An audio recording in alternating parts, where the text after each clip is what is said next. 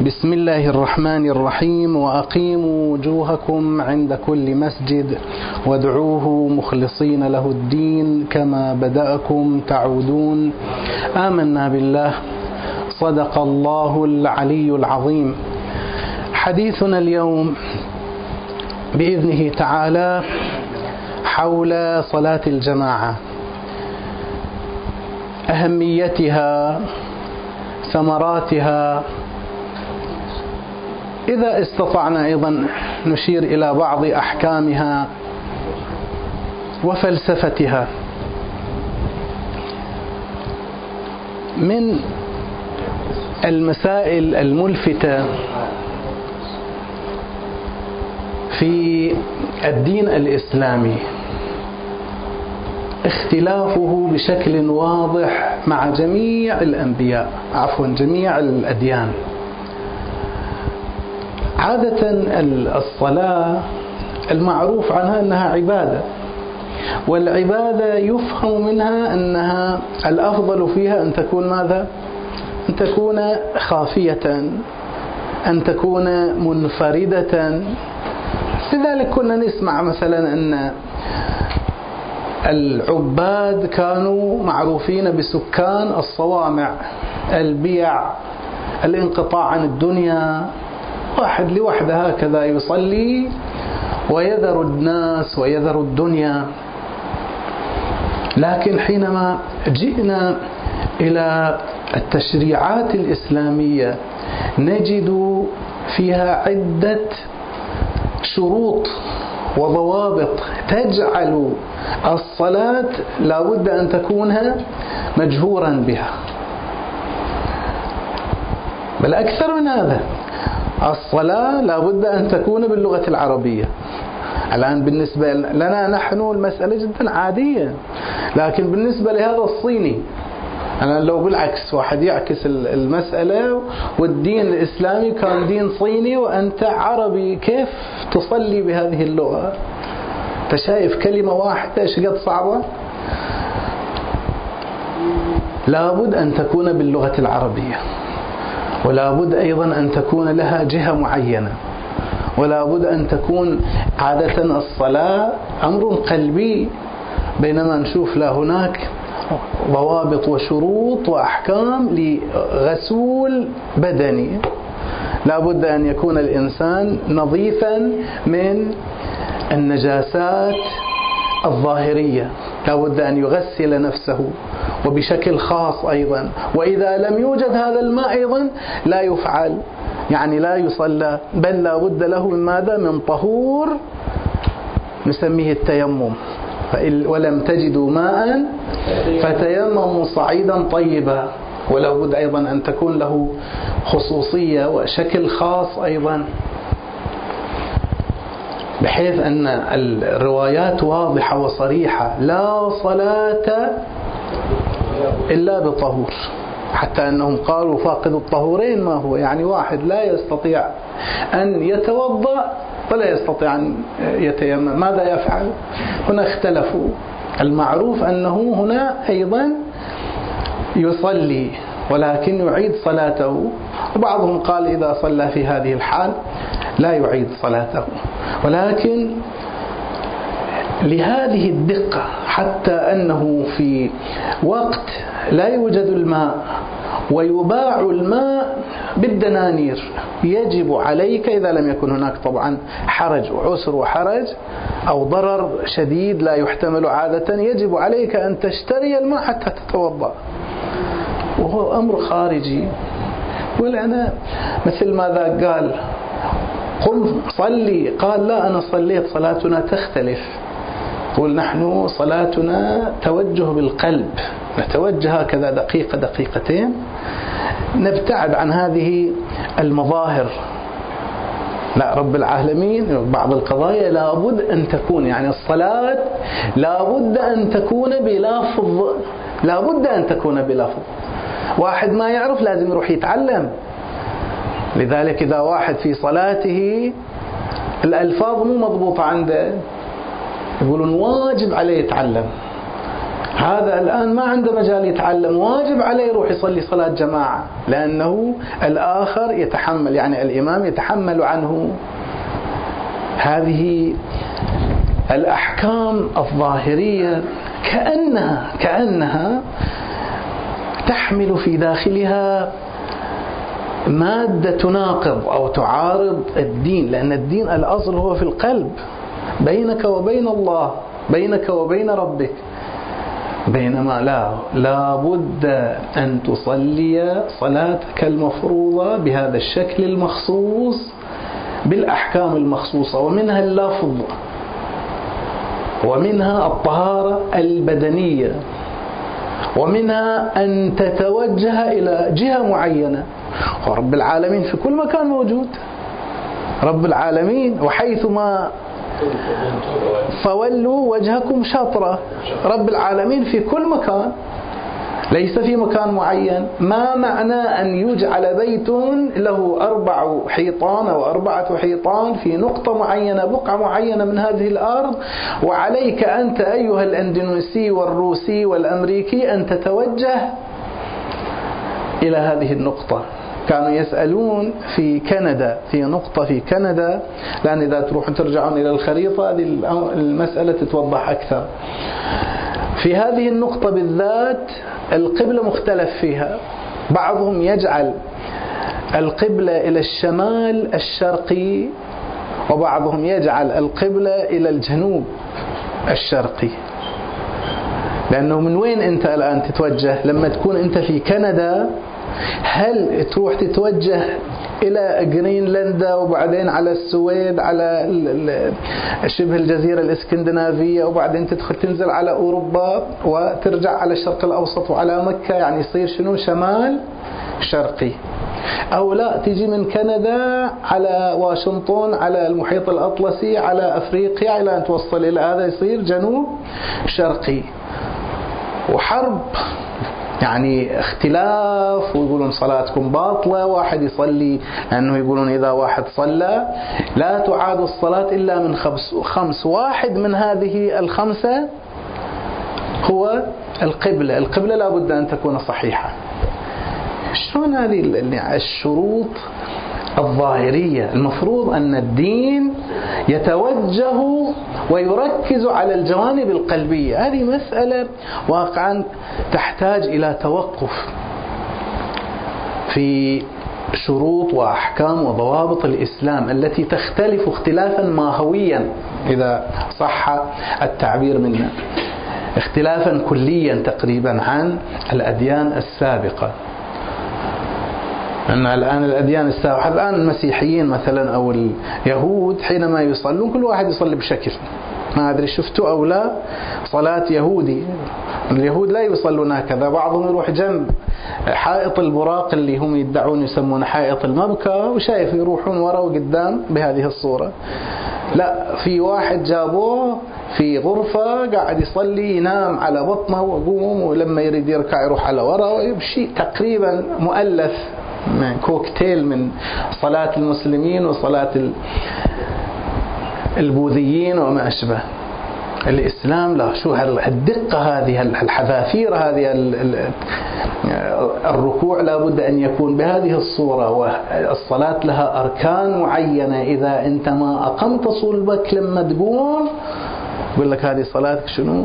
زدت أو نقصت ركنا فصلاتك باطلة. يقول ثلاثين سنة أنا أصلي بهالصورة يقول عيد الصلوات كلها. ليش هذا التمسك بهذه؟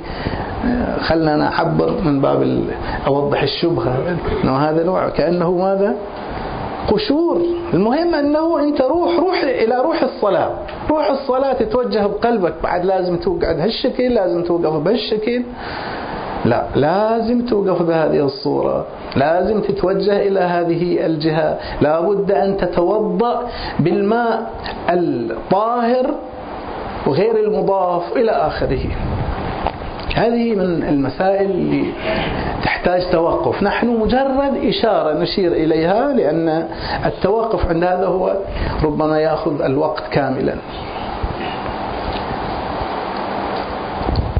الإسلام العظيم حينما جاء جاء بعدة رسائل. من هذه الرسائل؟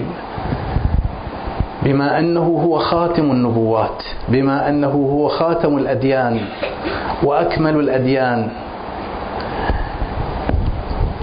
أحد هذه الكمالات في الإسلام أن الدين لابد أن يكون له صيغة وصفة اجتماعية. صفة اجتماعية. يعني ماذا صفة اجتماعية؟ توجهوا. كثير من الأحيان بعض يعني اللي يتعاملون مع الأحكام يغفلون عن هذه المسألة. يروح يخوض في القضية من وجهة نظر شخصية فردية. بينما لا الإسلام أنت شوف العبادات ما لا شيء عجيب. العبادات الإسلامية كلها تقريبا جماعية. شوف الحج. يوم معين أيام معينة في أيام معدودات. في لباس معين الكل بهذا اللباس الكل يحج في طريق معين في جهة معينة بشكل عجيب عسكري نظام عسكري. الصوم الكل يلتزم بوقت معين بنواهي معينة. في من طلوع الفجر إلى غروب الشمس. بالنسبة إلى الزكاة الكل جماعي. بالنسبة إلى الصلاة أيضا.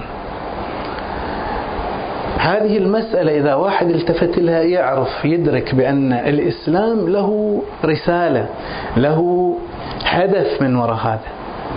ولذلك عندنا شيء يسمونه من الكبائر من كبائر الذنوب شيء يسموه التعرب بعد الهجرة. يعني شنو التعرب بعد الهجرة؟ التعرب يعني يصير إلى العروب إلى العروبة. عروبة يعني الصحراء. واحد عايش في الحضر يروح بدوي يصير. أو الآن يقولون أحد مصادقها أن واحد يترك بلاد المسلمين يروح يعيش في أوروبا بدون عذر. والله ليش؟ لأن هناك الحياة أحسن أرفه. لكن يروح هناك يقولون أن اليمنيين تقريبا قبل خمسين سنة انتقلوا إلى أوروبا. وكانوا طبعا متمسكين ولو ظاهريا بدينهم. بعد فترة كثير منهم راحوا اللي صار نصراني واللي صار علماني ليش؟ لأن يبتعد عن مصدر منبع الفكر والحكم الإسلامي. لذلك أنت تشوف كثير هذا اللي يسمونهم إخوان الصفا وخلان الوفا. هؤلاء الذين يسمونهم باطنيون في التاريخ الإسلامي. أحد أسباب انحرافهم العلويين مثلا. أحد أسباب انحرافهم هو بعدهم عن المركز الإسلامي. يروحون هناك لوحدهم عايشين بعيدا عن كل الضوابط أو منابع الإشراق. الإسلامي.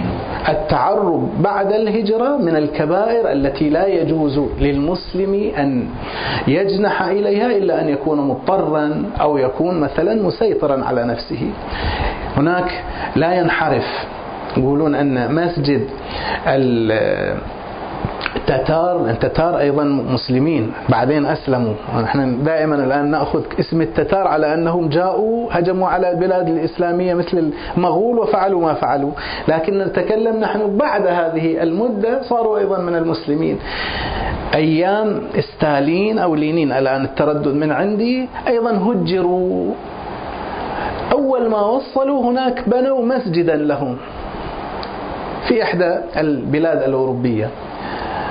لكن بعد عشرات أو عشرات السنين عدة عقود تحول هذا المسجد إلى مكان يفتتح في رأس السنة الميلادية ويؤتى فيه الرقص شرب الخمر الموسيقى مسجد كان السبب شنو؟ إحنا ما ندري انفصلنا عن كل واحد لوحده الإسلام يقول لا. لازم تكون أنت في التجمع. إن شاء الله التفتوا إلى المغزى. تكون أنت في التجمع الإسلامي الذي فيه إشراق فيه علم. ما تروح أنت كيفك والله أنا الآن إذا أصلي لوحدي وأنت تصلي لوحدك وعبادتنا أيضا بيننا وبين الله بيننا وبين ربنا ومعلوم أنه أنا أزيد وأنت تزيد من عندك وإذا بعد فترة أنا صلاتي تصير شكل وأنت تصير شكل ثاني. لا ارتباط لا لا ضوابط عجيبة. لا بد أن تكون. والجماعة جاءوا إلى أحد اعترضوا على أهلهم هناك في إيران. هي قصة اشتهرت أتذكر صارت نوع من الضجة عليها. قالوا يعني إحنا أيضا شعب لنا لغتنا وإحنا أيضا نحب الرب ونقدس الرب نعبده أيضا مثل ما يعبده العرب. ليش؟ إحنا نصلي بالعربي نريد نصلي بالفارسي. آبائهم منعوهم ما قدروا عليهم. بعد شاب متفلت ما يقدرون عليه. إلى أن راحوا إلى أحد العلماء قال لي والله أنا أأيدكم.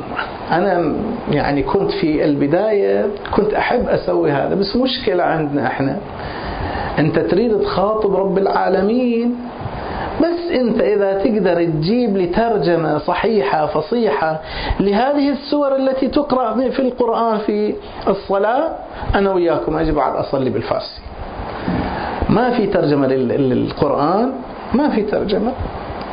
ترجمات هذه مجرد تقريب الفكرة. على أي حال لا نبتعد ولا يروح علينا الوقت.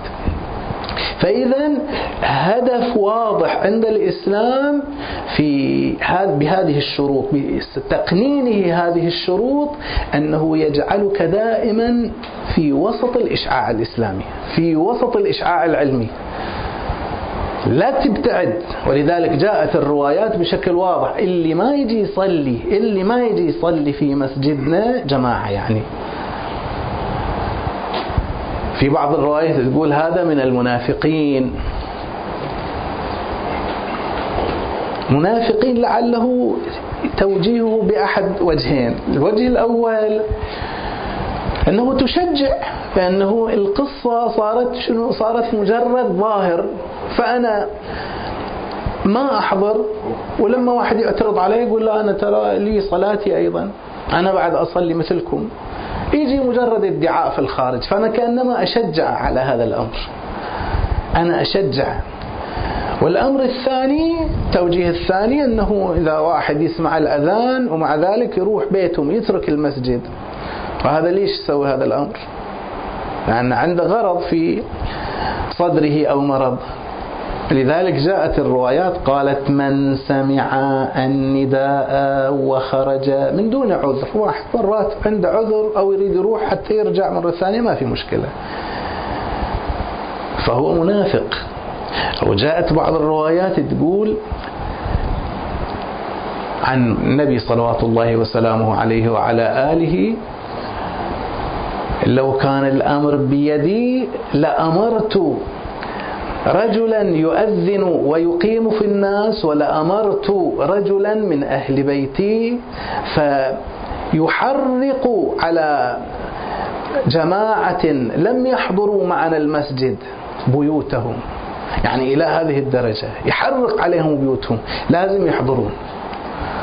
جماعة المسلمين ولذلك أصلا هذه أيضا من الملفتات الصلاة أول أول ما كانت هي صلاة مفردة أو صلاة جماعة.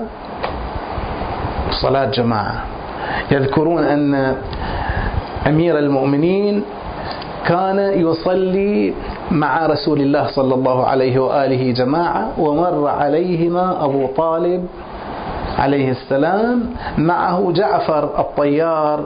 فقال لجعفر يا جعفر صلي جناح ابن عمك أو صل جناح ابن عمك. للثنتين يمكن قراءتها فراح فالنبي لما أحس بجعفر تقدم فصار الاثنان وراءه ومضى أبو طالب عنهما مسرورا. طبعا هناك رواية أيضا تنقل أنه لا كانت خديجة مع النبي وأمير المؤمنين كان مع أبي طالب أبيه فأمره بما ذكرنا الآن. أول ما نزلت الصلاة نزلت ماذا؟ بشكل جماعة. وعجيب إذا يقدر واحد يطلع حتى بعض الألفاظ اللي مثلا أقم الصلاة لدلوك الشمس إلى غسق الليل وقرآن الفجر إن قرآن الفجر كان مشهودا. حتى هذا لا يفهم منه الانفراد. هذا يسمونه القوانين الخطابية والأحكام القانونية. مثل الآن مكتوب مثلا على الحمامات آه، ممنوع الدخول مثلا للنساء. مثلا واحدة تجي لوحدها وتدخل يقولون مكتوب ممنوع دخول النساء تقول لا يعني مرأة مو نساء. شنو يقولون في الجواب؟ أنه هذا خطاب قانون هذا المقصود يعني جنس النساء سواء واحد أو اثنين. فلما يقول أقم الصلاة مو المقصود أنت الواحد. ولكن لما نشوف وأقيموا الصلاة وآتوا الزكاة واركعوا مع الراكعين. جمع. يا أيها الذين آمنوا إذا قمتم إلى الصلاة فاغسلوا وجوهكم وأيديكم إلى المرافق إلى آخره بالجمع. حتى بالنسبة إلى الصلوات السابقة في الأديان السابقة مريم سلام الله عليها واركعي مع الراكعين. واركعي مع الراكعين. هناك في تخصيص وتأكيد وتثبيت على مسألة ماذا؟ الجماعة. على مسألة الجماعة. الآن لأنه الوقت ما يتسع لنا نحن ندخل في بعض ثمرات وفوائد هذا الأمر.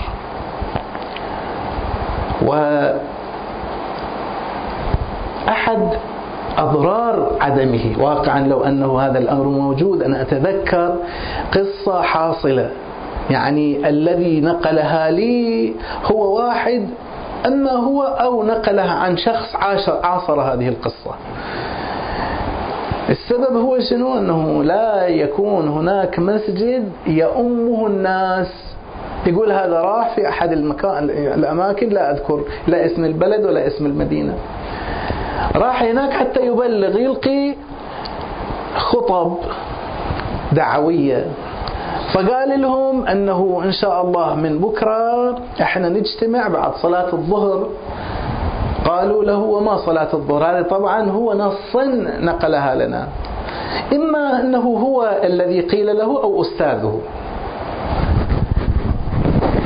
وما صلاة الظهر؟ قال يعني ماذا وما صلاة الظهر؟ صلاة الظهر ليأذن المؤذن؟ قالوا مؤذن مؤذن يعني شنو؟ واستغرب كل ما يسألهم طلع أنه هؤلاء أبدا ما عندهم خبر عن هذه القضايا. قال اسمعوا عجل أنا مالي شغل بالمحاضرات ولا باكر إن شاء الله أجي ومثل ما أسوي أنتم تسوون أعلمكم الصلاة بعد. فجاء قال أنا الحين أتوضأ هذا اللي يسمونه وضوء أنتم سووا وياي وبعدين لما خلص من الوضوء راح بعد للصلاة صلاة الجماعة. قال أنا اللي اسويه سووا مثلي وراي أنتم فهو ينقل هذه القصة. يقول أنه وقعت ذبابة وقفت ذبابة على أنفه. فهو قاعد يسوي الصورة هذه بإيده يريد يهش هذه الذبابة وهم كلهم قاعدين يسوون بهالصورة هذه. هذا شنو؟ أنا كنت في أحد البلدان في إحدى المدن جماعة صلاة جماعة. واحد تخلف جاء خلصنا إحنا قعدنا. وإذا به يصلي صلاة عجيبة عجيبة واقعا مضحكة. أنا في البداية أردت أصلح ليش؟ بعدين قلت تعال أنت إيش قاعد تسوي؟ قال أنا أصلي. قال هذا من وين هالصلاة هذه؟ قال أبوي وأمي علموني هذه الصلاة. أربعين سنة يصلي هالشكل. السبب شنو؟ أربع دقائق يلا شيل على نفسك روح المسجد. شيل على نفسك روح المسجد. هذه المشكلة. أتذكر قبل عدة أيام صارت مشكلة في الجنازة. مو مشكلة يعني واحد كان يريد يسلم على زوجته. راح سأل من؟ سأل أولاده. أولاده قالوا حرام ما يصير بعد. إذا ماتت الزوجة خلاص. هذا الزوج لو أنه سأل لكن يسأل من صاحب المادة وأنا أروح أسأل من أبنائي. إذا كان عرف أنه الزوج أولى الناس بزوجته وأنه تحرم عليه. المساجد لما تكون خالية لما تكون قافرة مقفرة لابد أن الواحد يتوقع هذه الجفوة تولد ماذا؟ تولد بعدا عن الأحكام الشرعية ما أكثر هذه بعض المسلمين المؤمنين المؤمنين الموالين في بعض الأماكن صلاتهم عقائدهم مختلفة. أسألهم لماذا؟ يقول إحنا بعد جينا من باب التقية وسوينا الأمر الفلاني وسوينا الأمر الفلاني وتعودنا عليه.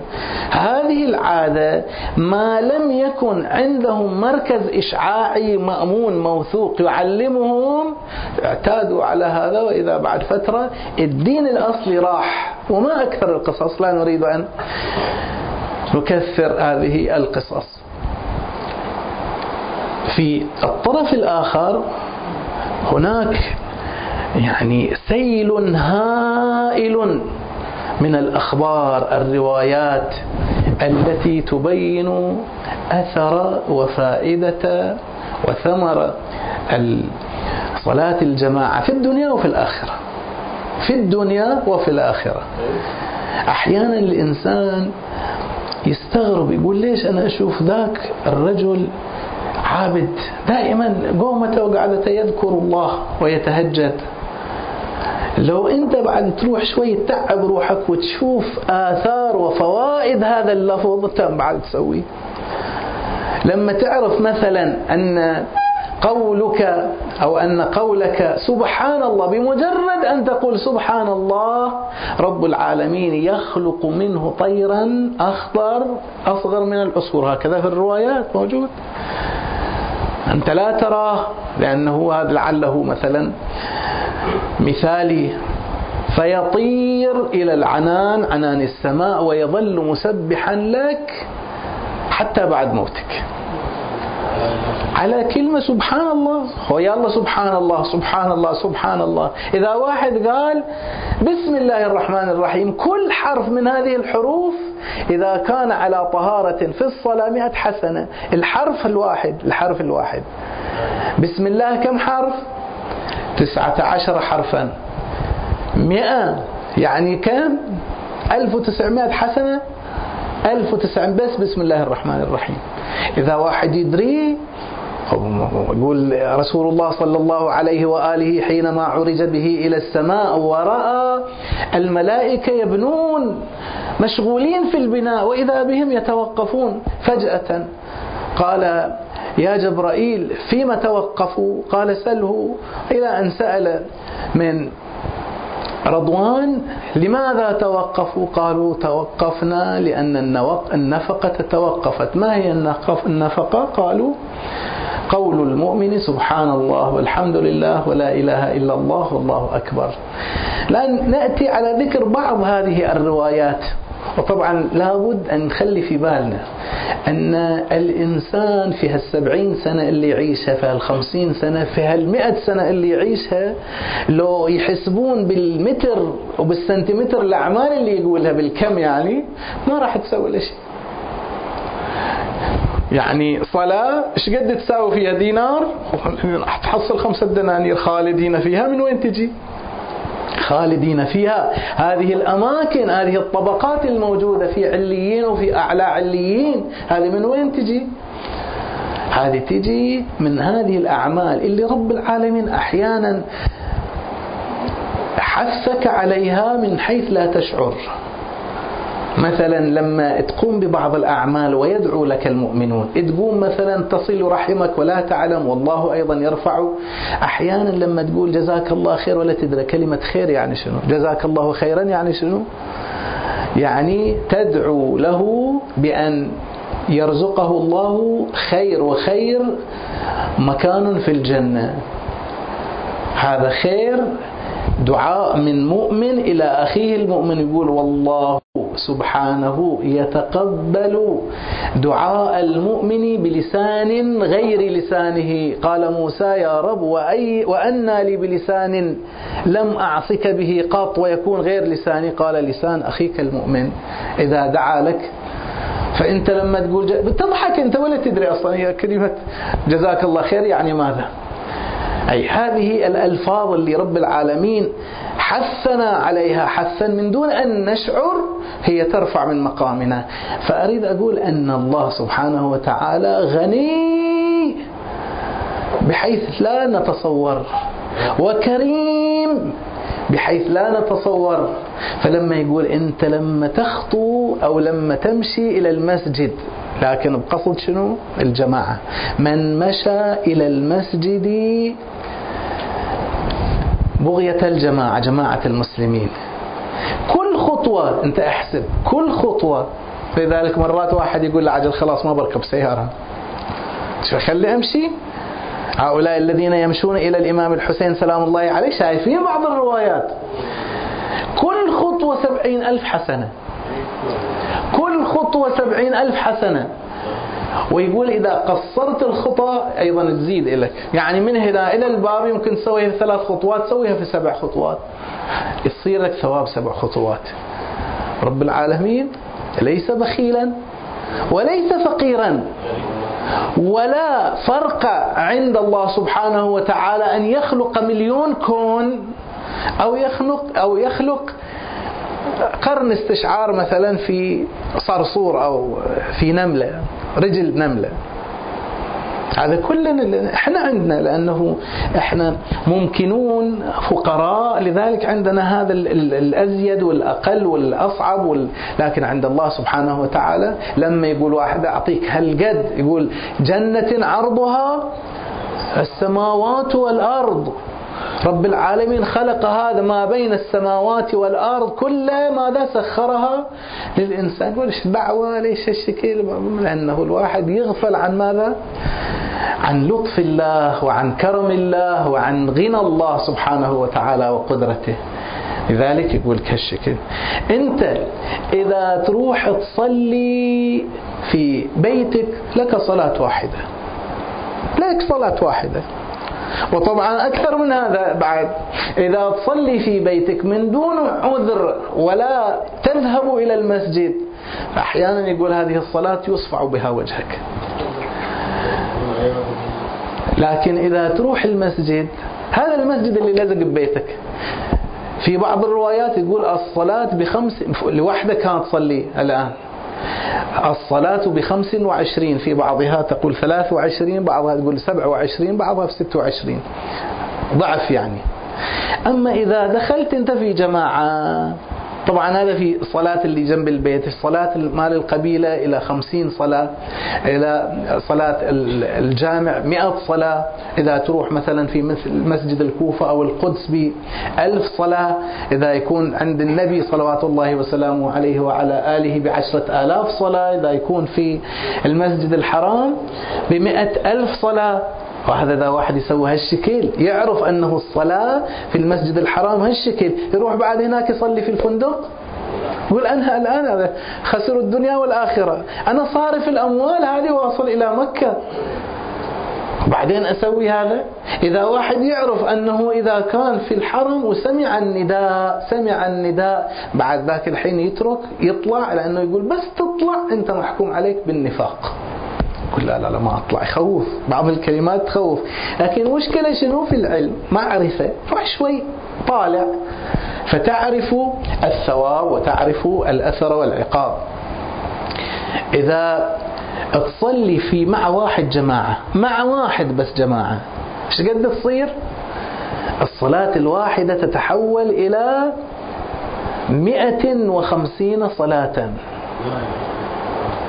الصلاة 150 إذا مع اثنين ضاعف إذا مع ثلاثة ضاعف الضعف إذا مع أربعة ضاعف النتيجة النهائية وهكذا حتى إذا وصل الجماعة إلى عشرة بما فيهم الإمام يعني تسعة والإمام أحسنتم. يقول لو أن الملائكة كتاب والأشجار أقلام والبحار مداد. لما استطاعوا أن يحصوا ثواب هذه الصلاة. بعد واحد يروح يترك يترك يقول إذا تصلي أنت صلاة الفجر خصوصا صلاة الفجر وصلاة المغرب والعشاء. إذا تصليها في الجامع إذا تصليها أقصد في المسجد يعني إذا تصليها في المسجد وفي جماعة يكتب لك براءة من النار. واحد يترك هذا إذا صار على ممكن واحد يقول زين هذه الرواية حين صحيحة لازم بعد نشوف على الصحيحة لو مو صحيحة. إحنا عندنا شيء متفق عليه عند فقهائنا شيء يسمونه قاعدة من بلغ. أحاديث عندنا عندنا صحاح تقول من بلغه ثواب على عمل إذا بلغك ثواب جاء حديث مثلا رواية وقالت لك لك ثواب هذا. من بلغه ثواب على عمل فإن له ذلك الثواب وإن لم أكن أنا قلته. حتى لو أنا ما قلته هذا الثواب أيضا مدخور مسجل له. مع ذلك عندنا من هذه الروايات عشرات والعديد من هذه الروايات صحيحة. وهذه الروايات صحيحة. رب العالمين ما يريد يوديك الجنة بس يريد يوديك في أعلى عليين. يريد يخليك هذه الكلمة اللي تقولها أنت يقول من سن سنة حسنة كان له أجرها وأجر من عمل بها إلى يوم القيامة لا ينقص من أجورهم شيئا. أنت ممكن تسوي عمل واحد وهذا العمل يشوف ذاك يستحسنه فينتشر هذا العمل. الآن إلى يوم القيامة كل يكتب لك أنت رب العالمين هكذا قصد هكذا قصد. إذا واحد يلتفت إلى هذا ويرى أنه إذا لم يحضر المسجد إذا لم يحضر المسجد إذا لم يحضر جماعة المسلمين أن رسول الله يقول لو أن لي بهم قوة لأحرقن عليهم بيوتهم. الإمام الرضا سلام الله عليه سألوه لماذا أوجب أو شرع الله الجماعة؟ يقول حتى تكون يكون التوحيد والإخلاص والعبادة أمرا مشهورا مكشوفا. معروفا يعني عند الناس. وما يكون هناك منفذ ومنبت لماذا؟ للنفاق. لا الواحد يعني يغتر بنفسه يقول لا النفاق ذاك عبد الله بن أبي وأمثاله. واحد مثل مثلا العرعور وكذا أمثاله. أما إحنا لا لأن النفاق يصير وهذا واقع يصير أحيانا مثل النبتة. انت شئت ام ابيت أحيانا زريبة ما تشوف إلا طلع فيها ليش؟ لأن هذه حاضنة وحصلت البذرة وحصلت الماء وحصلت السماد وطلع. انت ما تقصد بس يقول انت بول بالواقف يجيب لك نفاق. ارفع الصوت بالصلاة على محمد وآل محمد تسل منك النفاق اللهم صل على محمد وآل محمد بس أذكر هذا لأنه أنا بعد كأني أطلت. وبعدين إذا كان عند الإخوان. لكن هذا مجال واسع. هذا. إن شاء الله تعالى. إن شاء الله. الآن أخلص. أقرأ هذه الرواية أو هذا الخبر أيضا. وهو أنه إذا صلى واحد وراء العالم شوف هي الآن اجمعها أنت؟ مرة تتكلم عن صلاة الجماعة. بما هي جماعة؟ إلها هذا الثواب. تصلي في مسجد القبيلة أو في المسجد الجامع أو في مسجد القرية والمحلة. هذه كل واحد أيضا مسجد الكوفة أيضا له حسابه. هذا تضرب هذا في هذا. إذا تصلي وراء عالم الصلاة وراء العالم بألف. والصلاة وراء القرشي واحد من قريش. لا. أوسع من السيد بعد أعم من السيد. السيد إذا كان يرجع إلى هاشم إلى المطلب هؤلاء السادة. لكن لا قريش بعد أوسع. إذا كان لي فيكون بمئة. إذا كان لعربي طبعا عربي لازم يكون نظيف وصحيح الصلاة عادل. أي نعم. يكون ماذا؟ بخمسين وإذا كان لمولى يعني غير عربي. طبعا هذا مو من باب يعني التمييز العنصري لا لا. وإنما وإنما حسب ما قال رسول الله رسول الله صلى الله عليه وآله ليست العربية بأب والد. وإنما كل من نطق العربية فهو عربي. وإلا إبراهيم كان سريانيا وابنه إسماعيل كان عربيا. شلون يصير؟ لأنه هذا نطق العربية. النبي وابن عباس يقول نحن قوم من أهل كوثا ربا. يعني من أهل بابل. أصلهم هناك. ولكن هم الآن لب العرب. فضل الله أو انتقل الله سبحانه وتعالى. العرب من القوم للأسف اليوم الواحد يخجل يعني أنه ينتسب للعرب. إذا كان عربي يكون له ماذا؟ مئة حسنة وإذا كان مولى إذا كان عفوا خمسون درجة وإذا كان مولى له خمس وعشرون. وإنت إجمع اضرب هذا في هذا في هذا في هذا تروح أنت تصلي ركعتين في إمام في جماعة في مسجد في ثلاثة أشخاص.